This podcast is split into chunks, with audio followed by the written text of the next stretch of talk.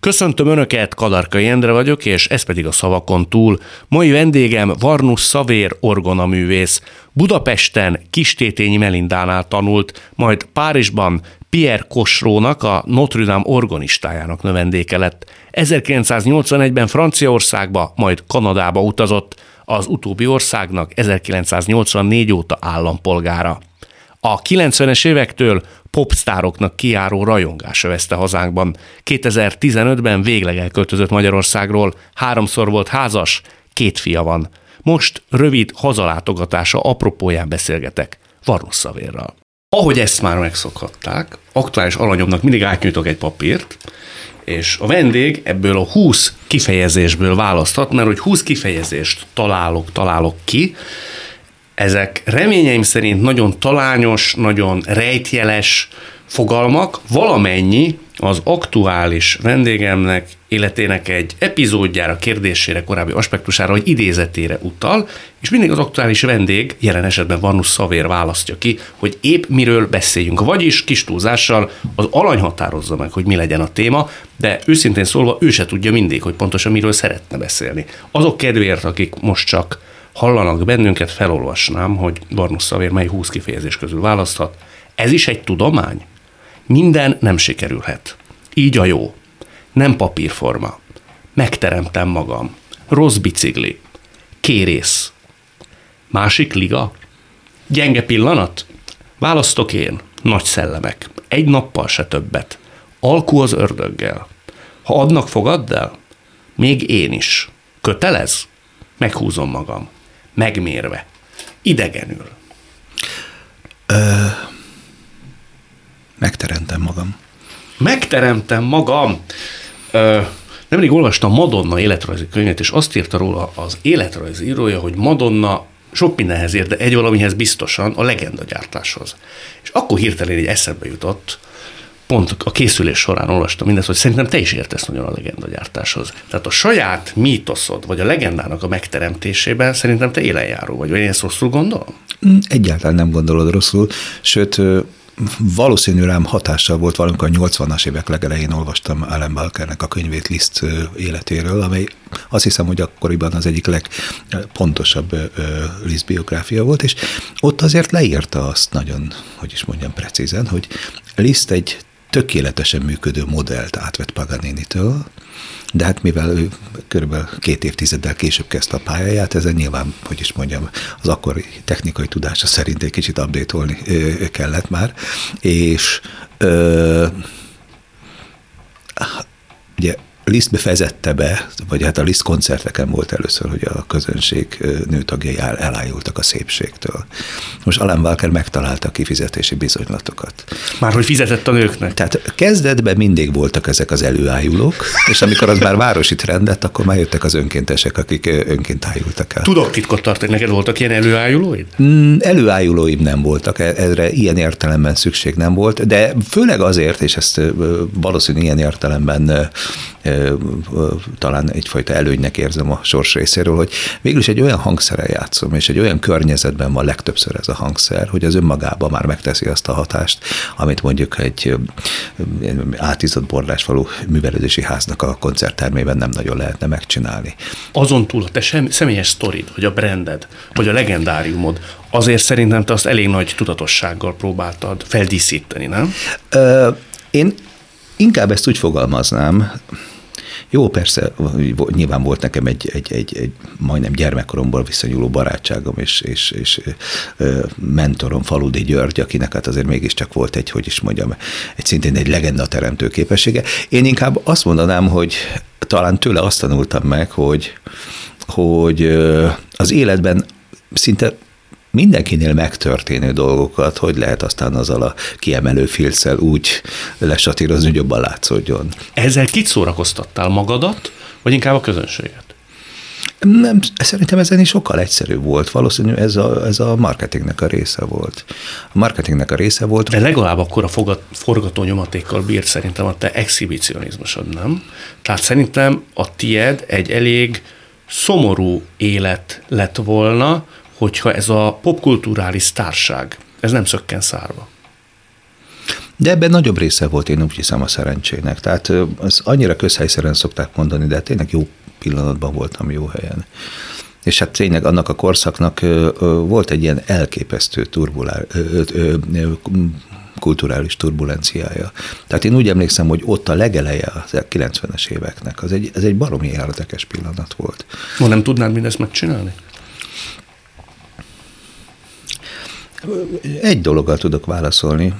Bizonyára emlékszel még erre a fantasztikus asszonyra, a dr. Takács Ildikóra, aki most nem olyan régen halt meg. Ugye ő volt a Magyar Reklámszövetségnek az elnök, és én Ildikóval nagyon szerettem beszélgetni időről időre össze, össze jöttünk egy-egy kávéházba, vagy meglátogatott, és akkor tájt az egyik unokaöcsém a mindenfajta polcokon heverő, sok évtizede összegyűlt újságcikkeket beszkennelte, és ebből 7000 cikk jött ki. És ez egy nagy rendezett moppába is meg volt csinálva, de a számítógépen is hozzáférhető volt. És az Illikó belenézett ebbe, és ez volt mondjuk 15 éve, belenézett ebbe az egészbe, úgy olvasgatta egy fél órát, és azt mondta, hogy Szavér, ma ez körülbelül 7 milliárd forint lenne. Hm. Tehát, ha ki kéne fizetni PR szempontból. Igen, tehát hogyha valakit a nullából kéne megcsinálni, akkor ez most körülbelül 7 milliárd forint lenne. Volt, annyit mondja ezzel kapcsolatban, így utólag, hogy volt azért egy-két olyan történet, amelyet kiszíneztél, de elég erőteljesen, ugye? Tehát ma már ez bevallható. Hát mindig is éltem azzal a remek faludi mondattal, hogy ha benne vagy egy jó történetben, soha ne zavarjanak meg a tények. szóval,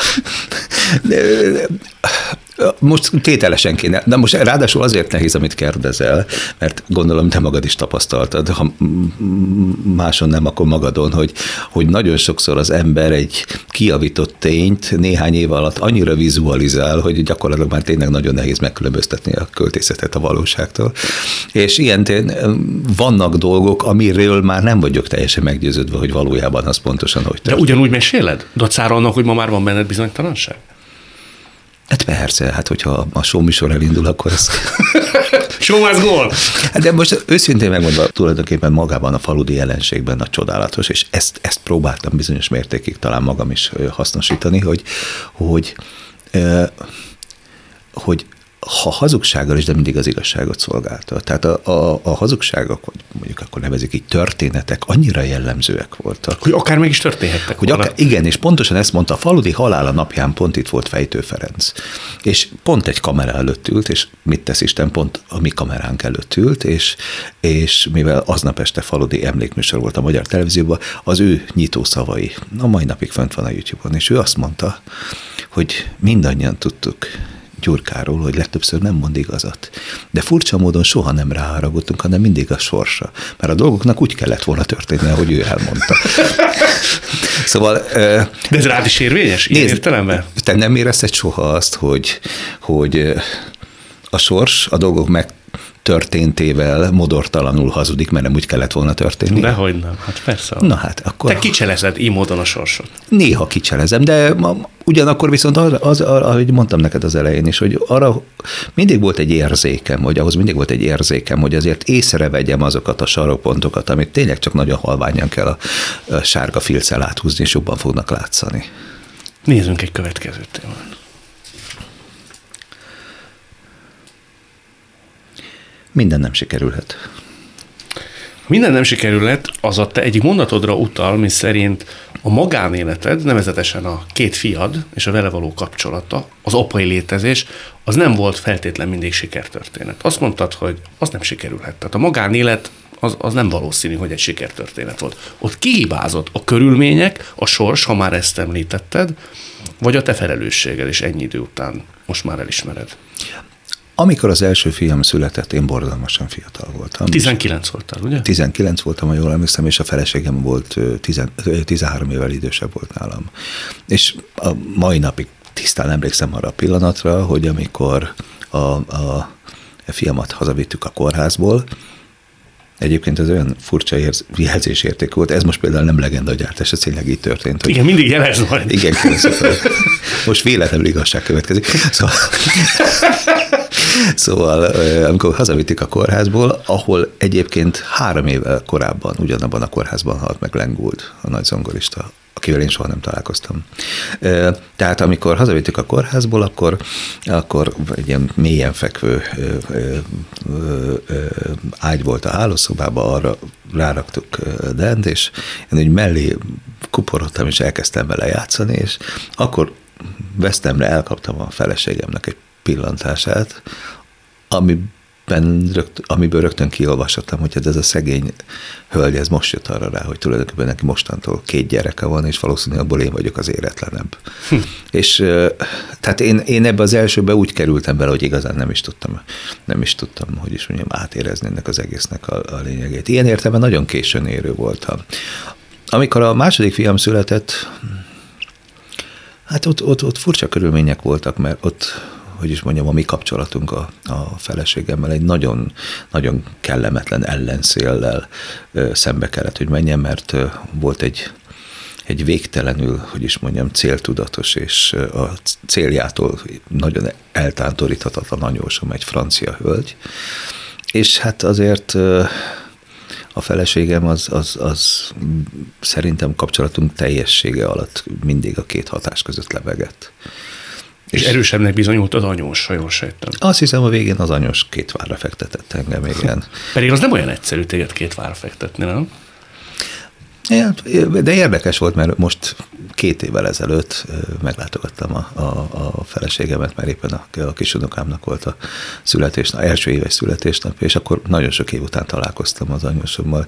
És miután leültünk, és mivel már nem voltunk ellenségek, csak túlélők, és, el, és elkezdtünk beszélgetni. Én tulajdonképpen 20 perc múlva nem tudtam, hogy én mit tudom, miért nem ezt a nőt vettem feleségül. A Már az anyós. Igen. Tehát szellemileg annyival közelebb voltunk egymáshoz, és ezt gyanítom, hogyha nem lettünk volna ö, ö, ö, ellencsapatba, akkor valószínűleg már 30 éve korábban is észrevettem volna. De nagy villang, villongások voltak akkor? Tehát ilyen húz meg, erez meg? A, a, én egy lepukkant kelet-európai kanadai bevándorló voltam az anyósom szemében. Ő a ő franciaországi francia volt, ő a, a Párizs nagypolgári életből érkezett, és szóval ő valószínűleg azt gondolta, hogy minimum a, a lányának a Gerolcsani nagyherceg nőnek a fia kell, hogy megkérje a kezét, úgyhogy én ebben a dologban nem nagyon szálltam, hogy is mondjam, vagy nem nagyon tudtam versenybe ereszkedni. Az az egész időszak olyan értelme kicsit elátkozott volt, hogy az első házasságomból nyilvánvalóan nem túl szerencsésen jöttem ki, egy, egy egy angol nővel szemben az embernek sok esélye nem volt egy angol száz társadalomban, hogy dolgokat akár jogilag, akár más módon megnyerjen. Úgyhogy voltak olyan időszakok, amikor, na ez mondjuk egy rövid időszak volt, de ez azt hiszem borzalmasan emlékezetes maradt számomra, amikor, amikor tényleg egyfajta egyfajta majdnem mély, mély szegénységben voltunk egy pár hónapig, mert ő a vállásra való hivatkozással zároltatta a bankszámlánkat, ami hát ugye az én kis összegyűlt pénzem is rajta volt, a másik oldalról egy anyós ö, ö, blokkolta az életünket, és a, a, a feleségem már éppen teres volt a fiam, és akkor volt egy pár nagyon furcsa, kemény hónap. Az mivel járt? Tehát mire jutott és mire nem? Hát rá kellett arra jönnöm akkor, hogy tulajdonképpen ezek, ilyen, ezek szerintem ilyen, ilyen, ilyen furcsa középkori mítoszok, hogy a szenvedés vagy a nélkülözés az nem esít egyáltalán nem. Az ember éppen, hogy, hogy nem tudom, ilyen lealjasulva érzi magát ezekben a helyzetekben. Tehát én sem a szenvedésnek, sem a, sem a, a nélkülözésnek soha nem láttam semmifajta morális erősítő erejét. Lehet, hogy van, akinél van, de nálam nincsen. És akkor most visszatérve az alapkérdésedre, miután tettünk egy, egy csinos két hogy, hogy hogy a nagyobbik fiam mal ö, ő annyira észak-amerikai, hogy igazán nem kerültünk soha közel egymáshoz. Kísérletet tettél rá? Tettem, persze, volt? Tettem, tettem, persze. És emlékszem is, hogy mi, mi, mi volt az a pont, mi volt az a, az a töréspont, amikor, amikor, amikor én úgy éreztem, és valószínűleg ő is úgy érezte, hogy, hogy hosszú távon ez a történet nem fog közöttünk működni 2006 vagy 7 környéken egyszer itt volt Európában egy egész nyáron nálam, és, és elmentünk Franciaországba autokázni, és az egyik tervem az volt, hogy fölmegyünk Abdüeszbe, ami a világ egyik legmagasabban fekvő katolikus temploma, és van benne egy egészen különleges orgon, amit 78-ban Jean Guillou tervezett.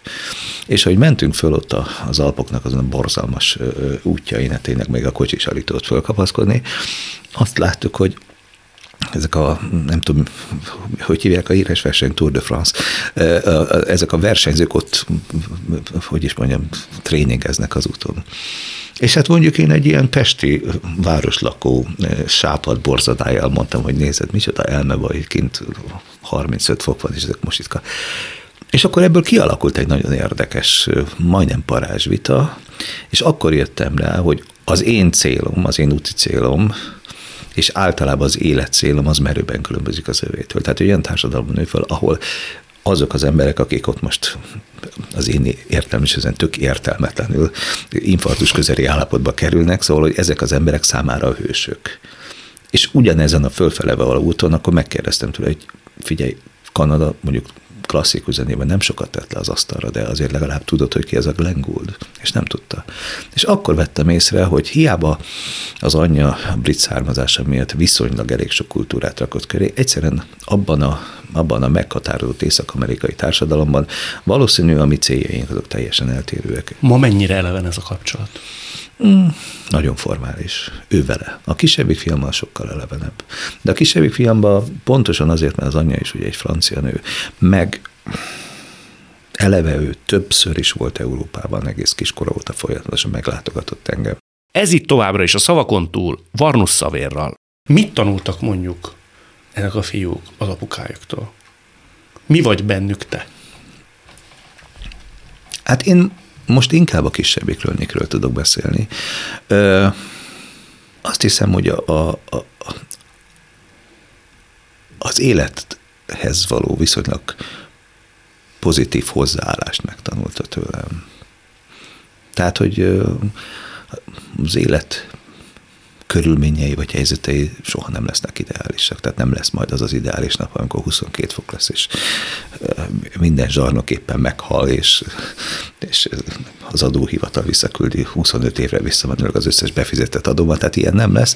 De viszont, hogy mégis azokat a napokat amelyek átlagosak, vagy még akár az átlagnál rosszabbak is külső körülményeit tekintve, hogy mégis megtaláljuk a szépet, vagy a boldogságot. Neked ez mindig sikerül? Nem, de vannak olyan példák, és most ez most nem legendagyártás, ez tényleg most egy két kicsivel több mint két éve megtörtént, amikor megvásároltam ezt a csodálatos templomot ott Kanadában, és akkor úgy ismerkedtem egy kicsit a világgal, és bementem a, a templomom nagy ólomüvegablakának a háta mögé, tehát a, a, a templom mögé, és ott leterítettem a, a zöld gyepre a, a kabátomat, és akkor vettem észre, hogy ott van fölöttem egy almafa.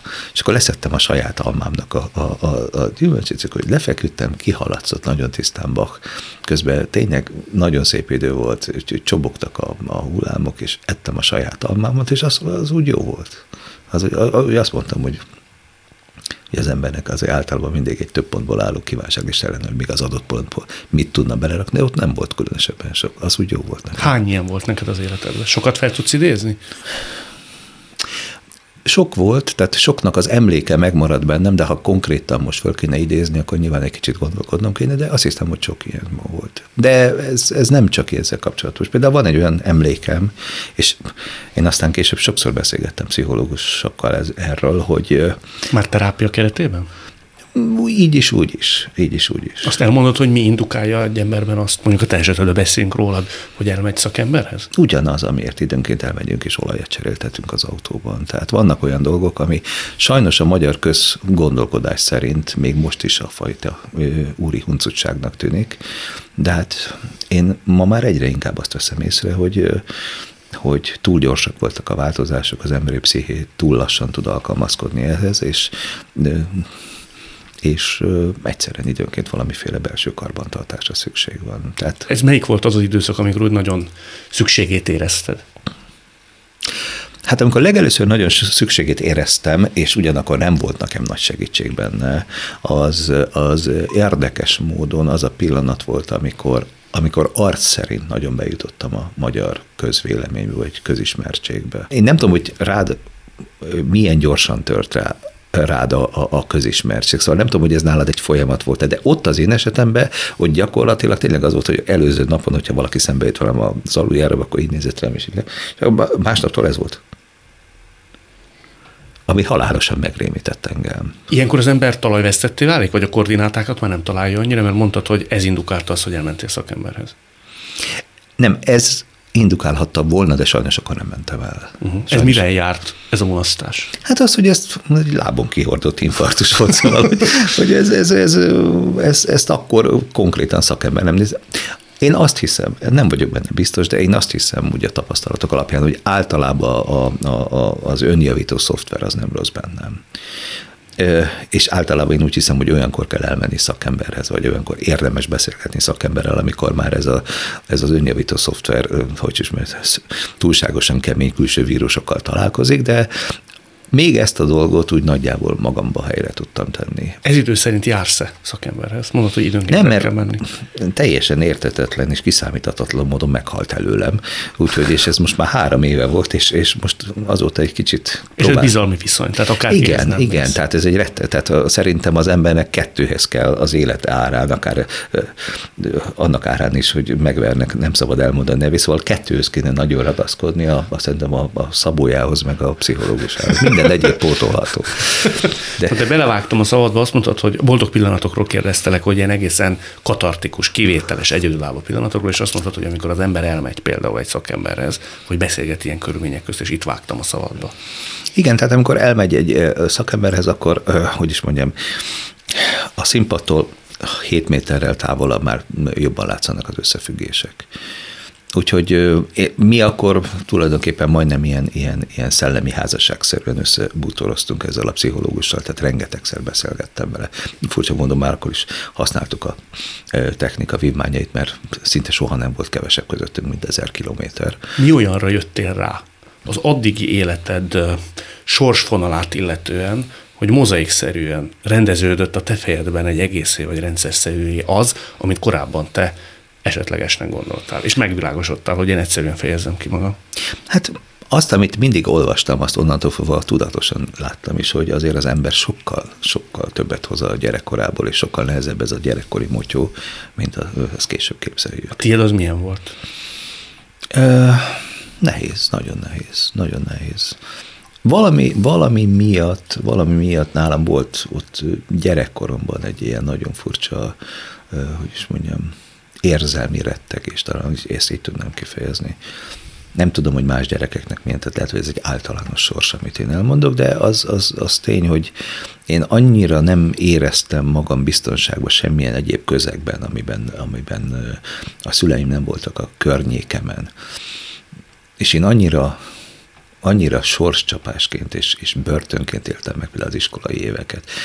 Nem tudom, hogy ezzel tényleg más került-e hasonló helyzetbe, de én effektíven erre emlékszem, hogy ültem a, a kettes terem voltam miénk az általános iskolában, és arról pont arra a lejtős utcára lehetett látni, ami az otthonom felevitt, és én tényleg szerintem, aki a, a gyűjtőfokházból nézeget ki a rácsokon, körülbelül így, így nézel nem tudom, Kiskunfél egyháza tornyai felé. Tehát a világtól féltél, vagy a szüleid nélkül Nem, én ezt a, ebbe, ebben, a, ebben, a, ebben a katonás poroszos bezártságban rettegtem. Rettegtem, mert alapjában véve nagyon szabad mm, gyerek lehettem. Te az a típus voltál, aki ilyet meg tudod beszélni az anyukájával, apukájával? Tehát ők tudták azt, hogy mi mész te keresztül? Én azt hiszem, hogy akkor még ahhoz kuka voltam. Ez mire válasz a te későbbi életedet illetően? Tehát mi következik mindenből a felnőtt varnusszavéra vonatkoztatva? Hogy én soha nem tudtam aztán a későbbi céljaimat a dogmák szerint megvalósítani. Tehát én nekem mindig a saját metodikámat kellett nagyon sok kinkeserv árán kialakítani ahhoz, hogy valamit meg tudjak valósítani. Kinkeserv árán? Persze, persze. Mert az, aki mondjuk egy iskolában végig eminens, egy iskolának, most ezt az iskolát átvitt értelembe értem, tehát az életiskolájában is, aki át tudja venni teljesen a szabályrendszereket, át tudja venni teljesen a, a, a, a a, a közösség által javasolt és elfogadott megoldásokat, annak könnyű az élete, mert alap, annak alapjában ő csak tartalommal kell föltölteni. Majdnem, hogy azt is mondod, hogy ezáltal a sors által, vagy út által? Neked egy sokkal nehezebb élet Sokkal, jutott? sokkal, persze, sokkal. Tehát én nagyon-nagyon sok kínlódással, nagyon sok töprengéssel, de megteremtettem a saját alagútjaimat. És nem használtam azt az alagutat, amit már átfuttak a Várhegy alatt. Próbáltál te azon átmenni? Amit Próbáltam, már de lehetetlen, lehetetlen volt, tehát azt nem rám szabták. Ennek mi volt a vesztesége? Tehát milyen áldozatokkal járt mindez? Hát rengeteg idő elment vele, rengetegen idő elment vele, ami a mással is elmeltett volna. Tehát én azért... Mondjuk a család? Akár a család is, persze. Akár a család is. Egyet mondja még ezzel kapcsolatban, aztán választunk egy másik témát. Sokszor volt neked olyan érzésed, hogy irigyelted azt a típusú embert, akinek ez minden olyan magától értetődő, mármint az, aki taposott a lagút? Ez érdekes, mert addig, amíg a megvalósítás folyamata volt, addig persze tele voltam irítséggel. De amikor létrejött a mű, akkor mindig elégedett voltam, mert azt láttam, hogy ugyanakkor az én kis fura alagutamon mégiscsak messzebbre tudtam eljutni, mint ő. Tehát azért ennek a, ennek a hogy is mondjam, szabály tisztelő és követő típusnak mindig van azért egy, egy, egy, egy távolsági határa. A te saját magad önképe szerint te nagy ember vagy?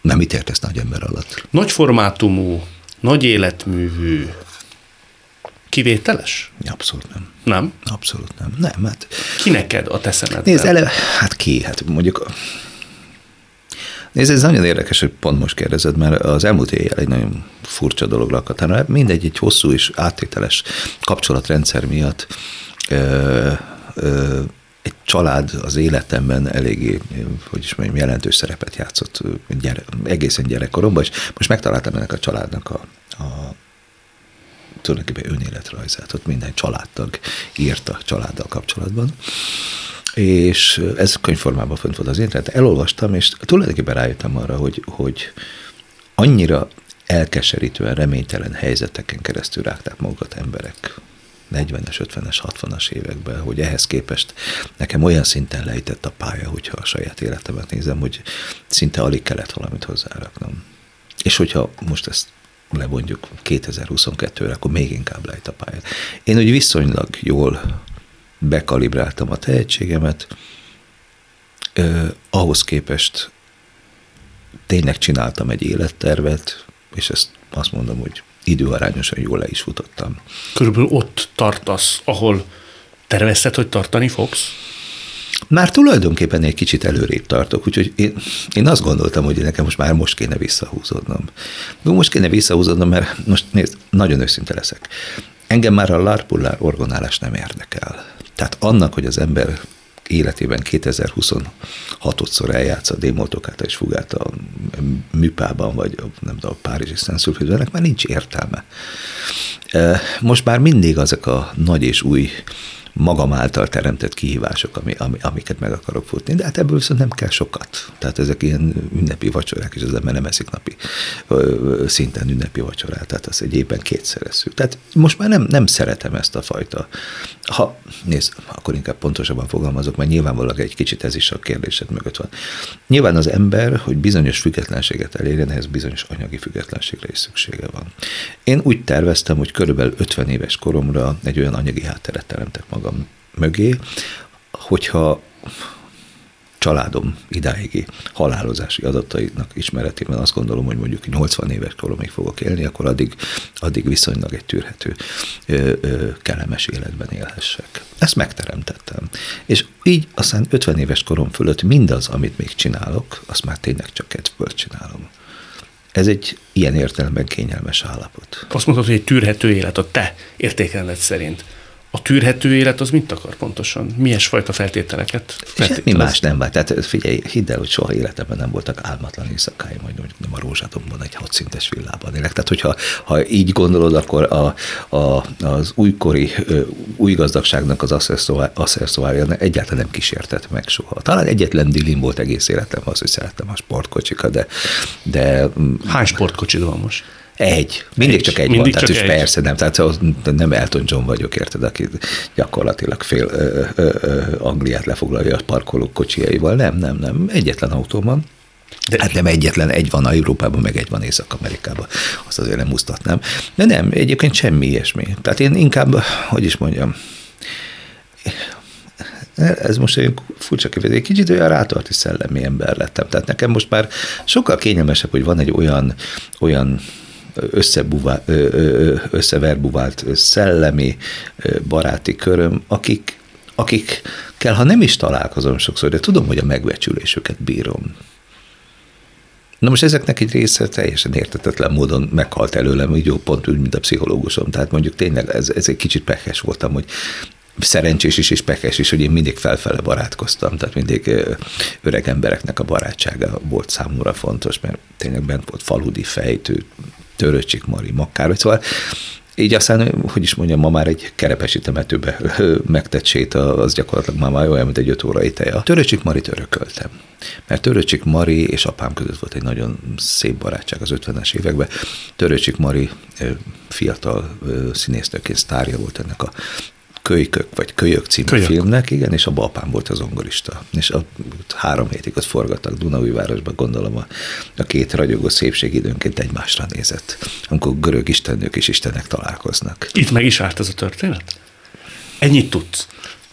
Nézd, sem rabiuk, sem gyóntató papjuk nem voltam, de azt minden esetre észrevettem, hogy amikor egymással beszél, vagy egymásról beszéltek, akkor mindig a, a, a szemben a párásodásnak egy olyan fokozatát láttam, amit egyébként mondjuk nem szokott emlegetni valaki, vagy nem szokott fel, ö, villantani valaki, amikor mondjuk a, a disznósaj szépségéről beszél. Hát ha csak nem az ongora játék volt. Mondom ezt félig tejfással. Igen, igen, nagyon tetszik ez, a, ez az eljátszott naivitás. igen. Szóval, ő, tehát Marit örököltem. Garas egy egészen különös dolog volt. Az, az, szerintem még van, most is van a pincéreknek az a generációja, amely erre emlékszik. Egyszer bementem a kedves kis András úti kávéházamba, ahol egy idében szinte rendeltem minden délután, és hogy bementem, és ott a süteményes pult körül áldokoltam, egyszer csak azt láttam, hogy és hát akkoriban nagyon sok hajléktalan volt az Andrási úton, és ezért valaki térdeltem, és csókolgatja a kezemet. És, és azt hittem, hogy nem tudom, egy hajléktalan most így, így akar pénzt kérni, mert így fölnéz, ott van garázs, és azt mondja, hogy hogy én olvastam a könyvedet, és én nagyon-nagyon nagy rajongód vagyok, és mondtam, művészről álljon már ez olyan cikit, és hát is ilyen hét óra előtt voltunk, tehát ilyen színház előtti közösség ott volt, és ez egy nagyon ciki helyzet volt. És én utóbb nézem azt, hogy, hogy Garas Dezsőben tényleg volt egy ilyen, egy ilyen fölfokozott rész. Majdnem mindegyik más volt. Fejtő Ferenc, ő megtanított engem az igazi barátságra. Én nem voltam odáig, azt hiszem, jó barát.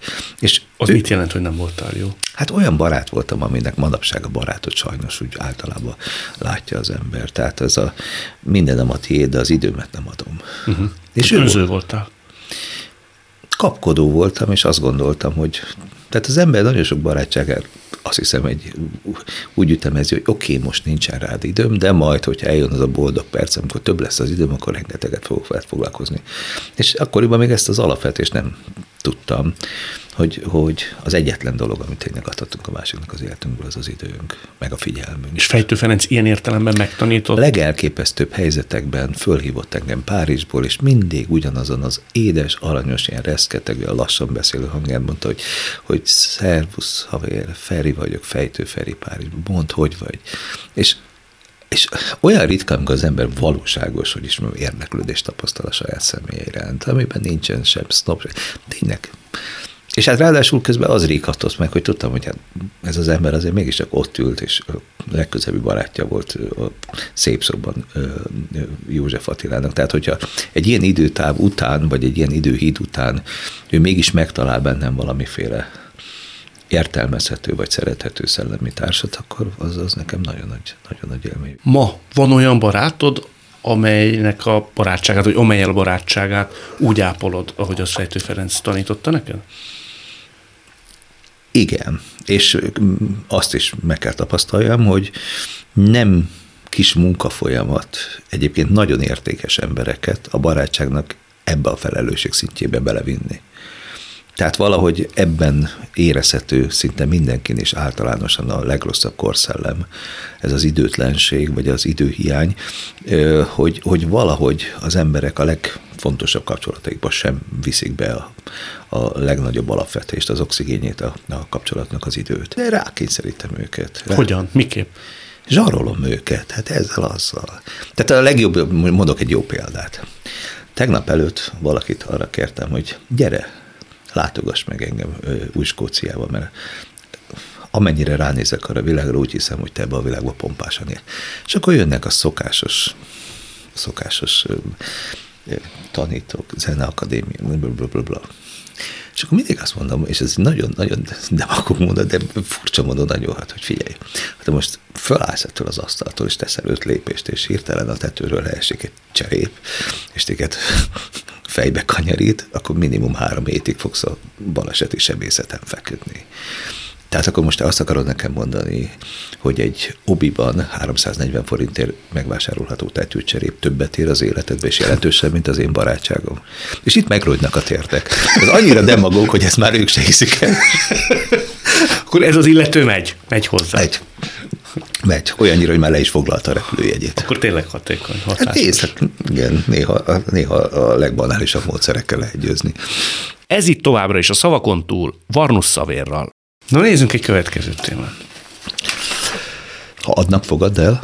Ez még nem volt, ugye? Nem, nem, nem. nem. Az egyik rajongód ö, tulajdonképpen a teljes vagyonát ráthagyományozta. Én ezt jól tudom? Akarta, de én ezt nem fogadtam Nem fogadtam el. Nem fogadtam el. Nem fogadtam el, ugyanis ö, az illető hölgy ö, cselekedete mögött nem, nem a, a hogy is mondjam, a, a saját szerény művészetem iránti tisztelet húzódott meg, vagy a törekvéseim megbecsülése, hanem egyértelműen egyfajta eltitkolt és másnak hazudott szerelem. Ó. És innentől fogva egészen más lett a dolgok színezete. Ez, Ez gigoló nem vagyok. Ez mikor derült ki? Mely fázisában az ismertségnek? Ez már nagyjából az elején. Tehát én azért nagyon sokszor ezt észrevettem az életemben, hogy az emberek nagyon sokáig, még akár önmaguknak is hazudnak a saját érzéseiket illetőleg velem kapcsolatban, csak azért, hogy ne kelljen egyértelműen bevallani akár önmaguknak, akár nekem is, hogy hát ez náluk egy már egy egészen más, más, hogy is mondjam, érzelmi állapot. Tehát azt akarod mondani, hogy többen szerelmesek beléd, mint akik nem belém, egy image szerelmesek. Egy image szerelmesek, noha ezt ők barátságnak és rajongásnak. Néha, hogy is mondjam, túltolja magát a legenda gyár, és akkor ilyenkor túltermelés, túltermelési válság van. Szóval megemelkedik a Csernobuli üzemi hőmérséklet, és az veszélyes, mert onnantól fogva öngyulladások kezdődnek. Igen, ez, ez persze mindig így volt. Mindig így volt? Mindig. Hát amióta az ember a placon van, azóta mindig így volt. Persze. Hát nézd, az, az embereknek egy nagy része nyilván egyfajta meglehetősen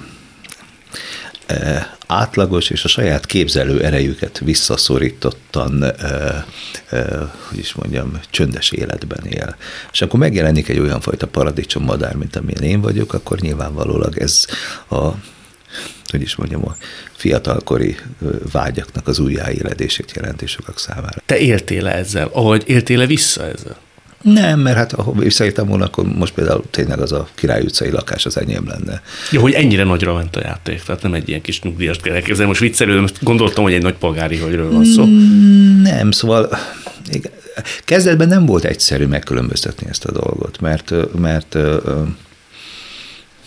mert nyilvánvalóan az ember, amikor szeretne visszaigazolást kapni a saját becsvágyára, akkor, akkor, akkor elhiszi a tündérmenséget. De aztán mivel én elég gyorsan megkaptam ezeket az első jeleket, innentől fogva én már nem azt mondom, hogy gyanakok voltam, de voltak jó antennáim arra, hogy felfogjam, hogy azért nagyjából mi van a szavak mögött, és mit akarnak el a szavak. Hogy rendezed el mindezt? Amikor szagot fogsz, vagy bizonságot nyer mindez. Akkor mindig nagyon-nagyon visszahúzódom a helyzetből. Van egy nagyon-nagyon szellemes és nagyon kedves ügyvédbarátnőm, aki egyszer pont egy ilyen hölgynek a velem kapcsolatos, hogy is mondjam, intenzitását látva azt mondta, hogy hát tudod, azt hiszem, hogy ő azt hiszi, hogy ő számát, számodra a nő az út végén. Na most, hogyha így nézzük, akkor nyilván az életemben nagyon sok ilyen út végén engem várakozó teremtés volt, de de nem ezt az utat választ, a saját tudod, alagút Tudod, az alagút fele mentem, igen, igen. úgyhogy ők sajnos most a Mészáros utcában hiába várnak az alagút végén. Meg hát azért figyelj, hát azért még a, a, egy pár évvel ezelőtt viszonylag, hogy is mondjam, azért, hogy a placra, placra már csak így optikai tuning szempontjából is kitolható voltam. Tudod, szóval, hogy viszonylag egy helyesebb pasi voltam azzal se éltem annyira, amennyire lehet. Nem? Nem, nem, nem. Sajnos ilyen értelemben egy kicsit mafla voltam, mert Hát sok szó eszembe jutna róla. A mafla az úgy ne, nagyon nem. sokszor voltam mafla. Hát jó, akkor ezek szerint látod. Te is. Hatott a legenda. Hatott a legenda. Nem. Mafla voltam, mert én, ha így utólag jellemezni kéne magam nagyon sok tekintetben, akkor én, én voltam az a ö, dorka, akinek ott volt végig a lábán a Rubin cip, és nagyon sokszor nem tudta, hogy össze kell kopintani háromszor, és kívánni kell valamit. Szóval én nem nagyon sokszor nem Nem vetted észre a lehetőségeket? Nézd, hogy túl intenzív volt az életem, és ezért nem figyeltem a, a, a Rubin cipőre, vagy egyszerűen tényleg, ahogy mondom, mafla voltam. De azért az életed későbbi szakaszában rendesen felszabadultál. Tehát ez a maflaság azért nem tartott olyan Akkor nyilván sokáig. átestem az ló másik oldalára, akkor volt egy idő, amikor túl felszabadult voltam, és akkor aztán szép lassan az inga beállt középre. Te mondd, ha már ezt, ezt említed, a maflaságot, meg a felszabadultságot, csak pár mondat erejéig, ha érintjük. Pár évvel ezelőtt veled szemben megfogalmaztak egy vádat, ez egy szexuális zaklatási vád volt, amire te Soha nem fogalmazok szexuális. Az, ö, egy illető azt mondta, hogy én szóbeli ajánlatot tettem Igen. neki, amikor ő 15 éves volt. kiskorú volt, ő ezt állította. Igen, na most hát az, ez azért vicces, ugyanis az az illető, ez abban az évben született meg, amikor ő 15 éves volt, akkor én még nem éltem Magyarországon. Tehát erre nekem egészen pontosan az 1989. november 28-án az útlevelembe pecsételt belépési pillanatom volt a bizonyíték. Nem, ennek emögött egészen más állt. Emögött egészen más állt. Én ismertem az illetőt, persze. 19 vagy 20 éves voltam, amikor megismertem. Ez az illető bekerült egy olyan, egy olyan hogy is mondjam, fundamentalista közösségbe, keresztény közösségbe, amelyik akkor mindenfajta, hogy is mondjam, szexuális másságot megpróbált, hogy is mondjam, lehet ezt legjobban politikai szinten támadni. És én ennek lettem tulajdonképpen akkor az egyik ilyen lehetősége. De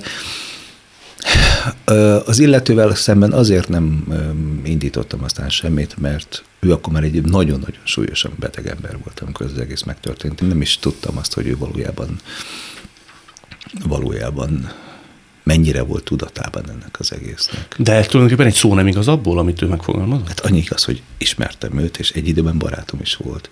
És a legviccesebb az, hogy tulajdonképpen ez a barátság évekig kitartott. Nem, ennek volt egy... Egy személy- közeledés nem történt, ha jól Nem, értem. nem, nem, nem, soha nem, történt. nem, nem. Sem fiatalkorúként, sem nagykorúként.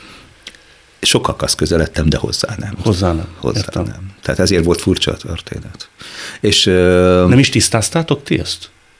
Később, amikor ez a vád megfogalmazódott, gondolok olyan típusnak, hogy fölemeled a telefont, már nem emlékszem meg minden Felemeltem, de részletét. nem vette föl. Nem vette nem föl. vette föl. De mondom, ezt annak tulajdonítom, hogy az illető akkoriban már tényleg nagyon súlyosan beteg volt. Bármit szerinted ezen a branden, Igen. vagy ezen a legendárium, vagy nem tudom, minek nevezem. Szerinted ártott mindez? Ez az ügy? Szerintem az évvilágon semmit. Megmondom miért, mert alapjába véve az egész életemet ellenére a legendáknak azért nagyon hitelesen éltem, és nagyon nyitottan éltem. Tehát innentől fogva nekem különösebben soha nem voltak titkaim a világgal szemben. Nem tudsz olyan emberről, aki emiatt csalódott volna benned, elfordult volna tőled. Nézd, ö, mármint emiatt a történet. Emiatt a történet. Mert az nagy hullámokat keltett, ő nyilatkozott sok helyen, meg hivatkozott.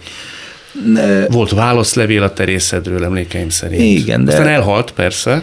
De azért nem volt ennek, mert gyakorlatilag azért a társadalom, és legalábbis a társadalomnak, hogy is mondjam, az ítélőképes oldala, az azért nagyon jól meg tudja különböztetni azért a talmit a, a, az igaztól. És, és mivel itt egyértelműen rögtön az első pillanatban, és ezt ő maga is beismert ott az egyik válaszlevelében, hogy igen, lehet, hogy tévedett az évszámokkal.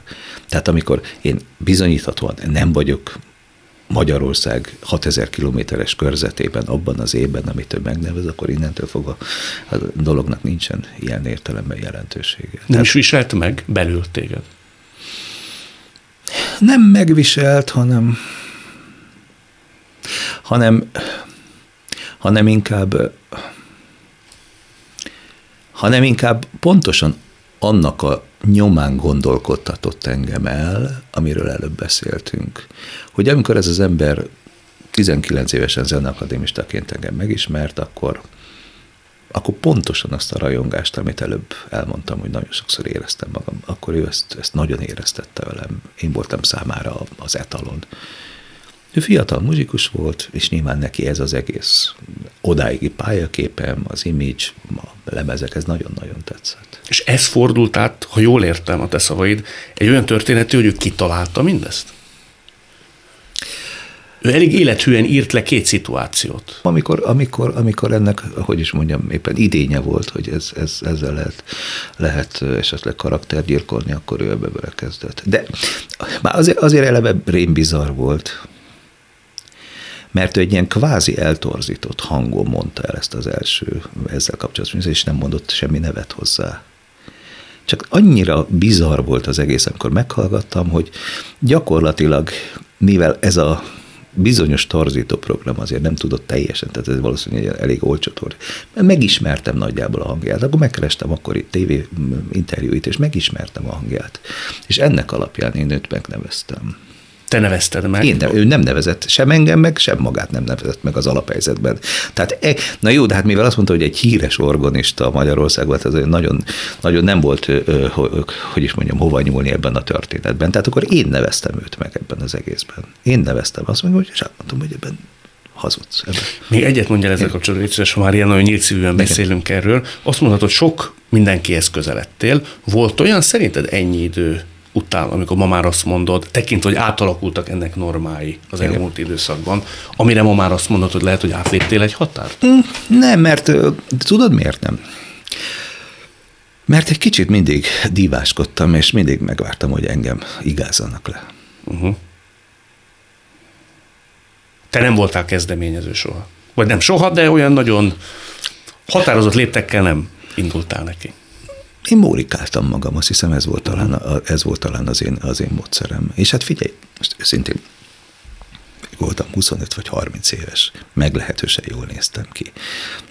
Volt egy értékelhető, hogy is mondjam, hírnevem vagy ismertségem. Hát nyilvánvalólag ezek nagyjából összeadták azt, hogy az ember bement mondjuk egy, egy pesti bárba, vagy bármi, akkor nem kellett ott nagyon, hogy is mondjam, törekedni bármire. Tehát... Ez nem mond, ennek a, nem mond ellent annak, hogy egy nagyon sikeres nő vagy férfi is tud, még elkényeztette is a sors, időszakosan egy-egy esetben, ha valaki mondjuk nagyon megtetszik neki, és ott ellenállást most nézd, nem akarok vulgáris lenni, na, de hát hogyha mondjuk valaki egész este rajtam áll, majd mondjuk az adott pillanatban kedves kislányt hazaviszem, és önként ledobja a bugyját, akkor innentől fog nem arra kell gondoljak, hogy nem tudom én éppen a szatyrában lévő másik bugyit akarja fölpróbálni. Tehát azért mondjuk szerintem ezekre elég értelmezhető kódok voltak akkoriban. És ez... ez már nem a mafla korszakod volt, most arról beszélünk, hogy el is sem egy vicce. Nézd, valószínű akkor is sokszor voltam mafla. Igen? Igen, akkor is sokszor. Tehát az egyértelmű. Én nagyon sokszor, néz. többször néztem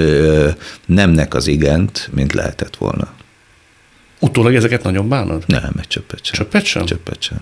Volt egy tanárom, mindig azt szokta nekünk a csőzással kapcsolatban mondani, hogy a mai eszemmel mindig ezt mondja, mennyi mindent kihagyott ilyen értelme, de akkor te azt mondod, hogy így volt jó.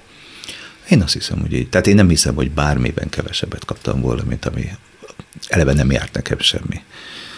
Az érdemeim után sem járna olyan nagyon sok, de én azt hiszem, hogy ez, hogy is mondjam, jó fizetési osztályba sorolt meg, nem a sors. Végezetül választhatok én egyet, és szerintem az egy jó lezárása lesz Kérem, a történetnek. Uram.